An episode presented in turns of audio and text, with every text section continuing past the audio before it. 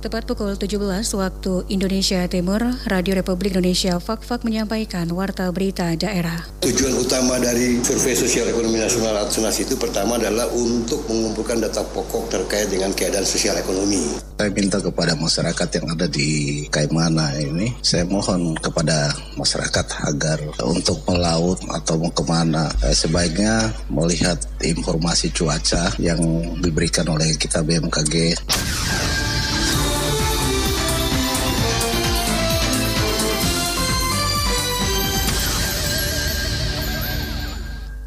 Selamat sore, Sari Berita. Badan Pusat Statistik BPS Kabupaten Fakfak selama bulan Maret 2021 akan melaksanakan survei sosial ekonomi nasional Susenas tahun 2021. BMKG Kaimana himbau masyarakat dan para nelayan untuk selalu mewaspadai cuaca buruk. Itulah berita utama edisi hari ini, selengkapnya bersama saya, Siti Nur Aisyah.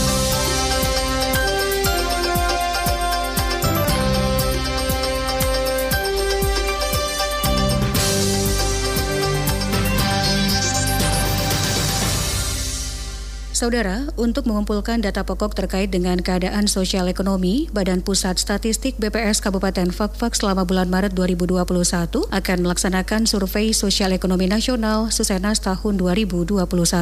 Badan Pusat Statistik BPS Kabupaten Fakfak pada bulan Maret tahun 2021 akan melaksanakan survei sosial ekonomi nasional Susenas tahun 2021. Kegiatan Susenas tersebut dilakukan untuk menghimpun sumber data sosial ekonomi. Koordinator Fungsi Statistik Sosial pada BPS Kabupaten Kabupaten Fakfak, Mezak Dangi Ubun mengatakan Survei Sosial Ekonomi Nasional atau Susenas merupakan survei rutin dari Badan Pusat Statistik Kabupaten Fakfak yang dimulai pada tahun 1993, namun sejak tahun 2015 Susenas dibagi menjadi dua semester di dalam setahun, yakni pada bulan Maret dan bulan September. Sementara untuk persiapan jalannya pelaksanaan Susenas di Kabupaten Fakfak memiliki beberapa tahapan, mulai dari perekrutan calon petugas atau mitra statistik, memberikan pelatihan Susenas kepada petugas sensus, hingga pelaksanaannya di lapangan lapangan. Survei Sosial Ekonomi Nasional merupakan survei rutin dari Badan Pusat Statistik Kabupaten Fakfak yang sebenarnya sudah dilakukan tahun 1963. Cuma sejak tahun 2015 survei Sosial Ekonomi Nasional dibagi menjadi dua semester dalam setahun. Jadi yang pertama dilakukan pada bulan Maret dan bulan September setiap tahunnya. Untuk persiapan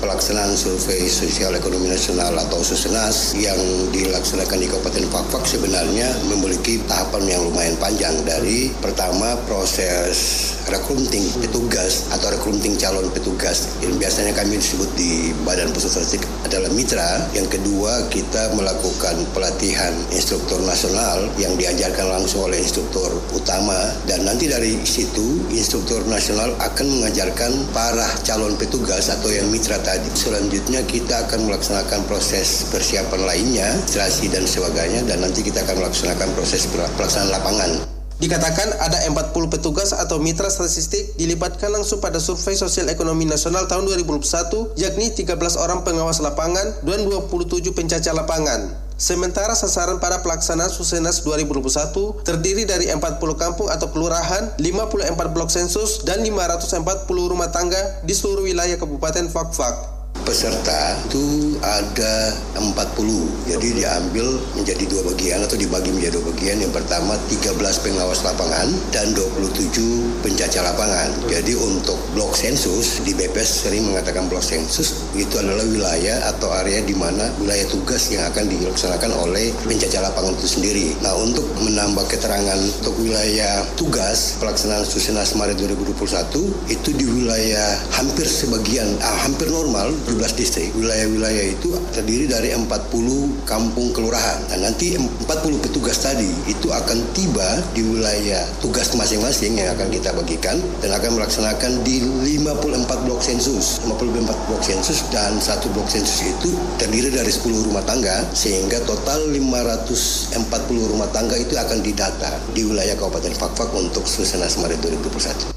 Menurut Mezak Dangiubun, tujuan utama dari Survei Sosial Ekonomi Nasional Susenas di tahun 2021 ini untuk mengumpulkan data pokok terkait dengan keadaan sosial ekonomi di mana Susenas ini dibagi menjadi dua bentuk kuesioner atau pertanyaan yakni kuesioner core dan kuesioner konsumsi pengeluaran atau KP.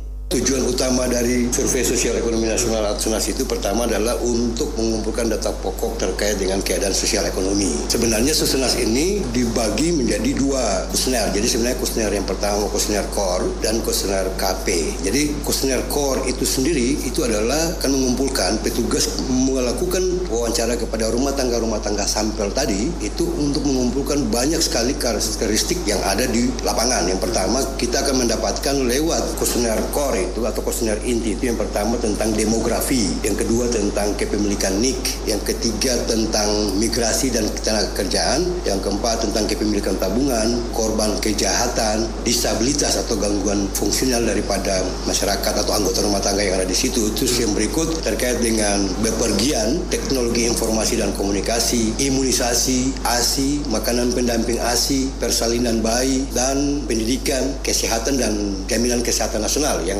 yang sementara ini lagi banyak dilaksanakan oleh pemerintah pusat maupun daerah.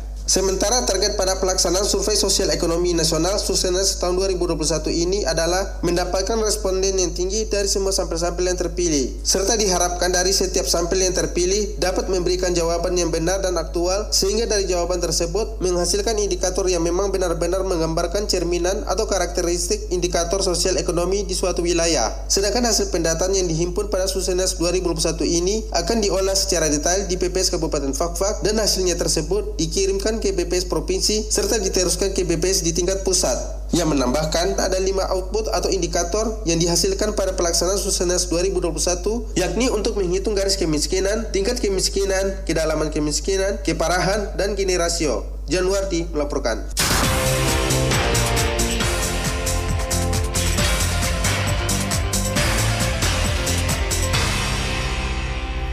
BMKG Ke mana himbau masyarakat dan para nelayan untuk selalu mewaspadai cuaca buruk. Laporan Wilhelmus Nurak. Mengingat banyak kecelakaan laut yang terjadi di perairan Kaimana akibat cuaca buruk dan gelombang tinggi, Badan Meteorologi, Klimatologi, dan Geofisika BMKG kelas 3 Utarum Kaimana terus menghimbau masyarakat dan para nelayan untuk selalu mewaspadai cuaca ekstrim dan gelombang tinggi jika hendak melaut Apalagi saat ini musim barat melanda wilayah Kaimana yang sewaktu-waktu terjadinya angin kencang, hujan lebat, disertai gelombang tinggi.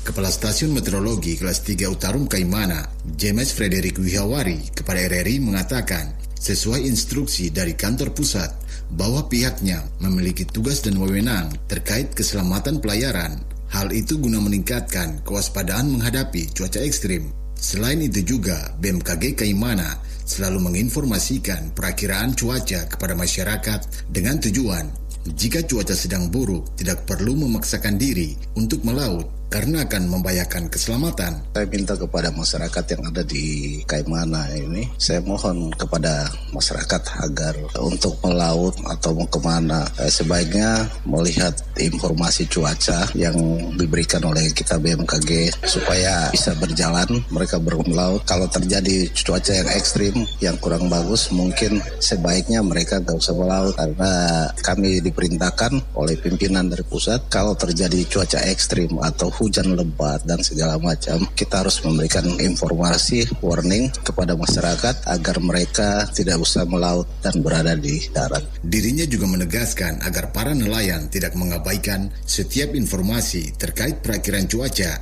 yang diinformasikan oleh BMKG. Karena menurutnya, biasanya masyarakat yang berprofesi sebagai nelayan ini memiliki cara-cara khusus atau memprediksi sendiri untuk melihat cuaca. Namun hal itu belum tentu benar. Oleh sebab itu, ia minta agar para nelayan tetap melihat segala informasi yang berkaitan dengan perakiran cuaca oleh BMKG dengan tujuan guna meminimalisir hal-hal yang tidak diinginkan.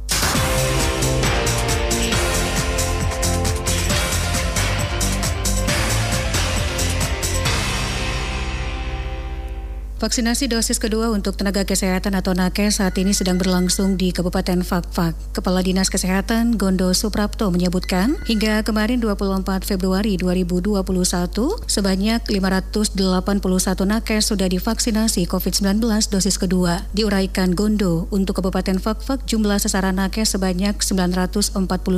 Jumlah alokasi vaksin 1.920 dosis, jumlah nakes sudah divaksin dosis 1 sebanyak 890 orang atau 93 persen. Sedangkan jumlah batal vaksinasi 141 orang atau 15,2 persen. Jumlah tunda vaksinasi 171 orang atau 18,01 persen. Gondo Suprapto juga mengajak para nakes yang belum divaksin kedua agar segera divaksin di pelayanan kesehatan atau puskesmas di wilayah Kabupaten Fakfak. Ditambahkan Gondo Suprapto, kondisi nakes setelah divaksin pasca suntikan dosis pertama maupun kedua masih tetap aman dan sehat. Artinya tidak ada keluhan yang berarti. Ditambahkan Gondo, meskipun sudah divaksin baik dosis pertama maupun kedua, yang bersangkutan harus tetap menerapkan protokol kesehatan dalam aktivitas sehari-hari.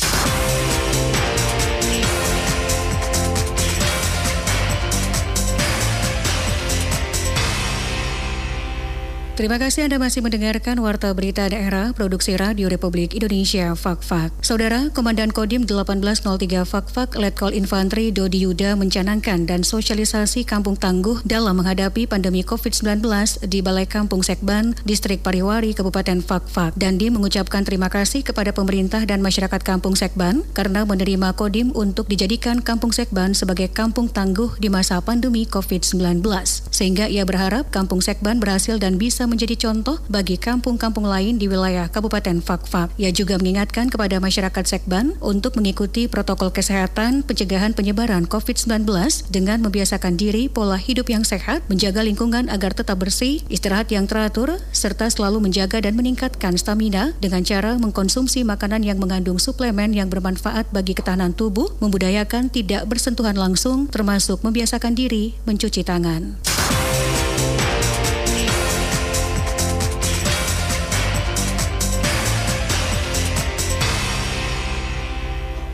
Mayat perempuan yang ditemukan di salah satu rumah kebun kampung Coa belum bisa dikatakan kasus pembunuhan. Selengkapnya dilaporkan Jack Owen. Kasus temuan mayat perempuan berinisial WR di rumah kebun kampung Coa yang dilaporkan oleh masyarakat pekan lalu sekitar pukul 22 lebihnya 30 menit waktu Indonesia Timur belum dapat dikategorikan sebagai kasus pembunuhan aparat kepolisian sendiri masih kesulitan untuk menyatakan kasus pembunuhan karena tidak cukup bukti penganiayaan di tubuh korban sebagaimana pemeriksaan luar yang dilakukan oleh dokter di RSUD Kaimana, Jalan Batu Putih. Kapolres Kaimana melalui kasat reskrimnya, Ibtu Muhammad Al-Farisi di ruang kerjanya membenarkan hal itu. Ia lebih lanjut menjelaskan bahwa sampai dengan saat ini terkait kasus dimaksud telah dilakukan pemeriksaan awal oleh pihaknya terhadap beberapa saksi tidak termasuk saksi kunci yakni suami korban. Karena lanjut dikatakan kasat reskrim berdasarkan keterangan saksi saat itu korban dan suaminya berpamitan bersama untuk memetik salak yang ada pada kebun mereka. Namun karena menunggu tak kunjung pulang hingga malam saksi dan sejumlah warga pergi ke rumah kebun dan menemukan korban WR sudah tak bernyawa lagi. Kita masih uh, cari suaminya karena kan keterangan terakhir itu terakhir dia sama suaminya. Nah ini yang kita masih cari orang itu belum tahu ke mana. Sudah ada beberapa saksi yang kita periksa, sudah ada beberapa yang memang menerangkan terakhir itu ya informasinya sama suaminya gitu. Makanya kalau mau dibilang pembunuhan pun saya nggak berani berkata seperti itu. Karena kan yang mengatakan itu kan ahli semua nanti baik dari yang menyebabkan kematian berarti dari kedokteran sehingga ditambahkan untuk membuktikan temuan mayat wanita di rumah kebun pihaknya masih menunggu dan mencari suami dari korban hingga berita ini kami turunkan korban telah dikebumikan di pekuburan umum Kaimana Jack Owen melaporkan Sekian Warta Berita Daerah Produksi Radio Republik Indonesia Fakfak. -Fak.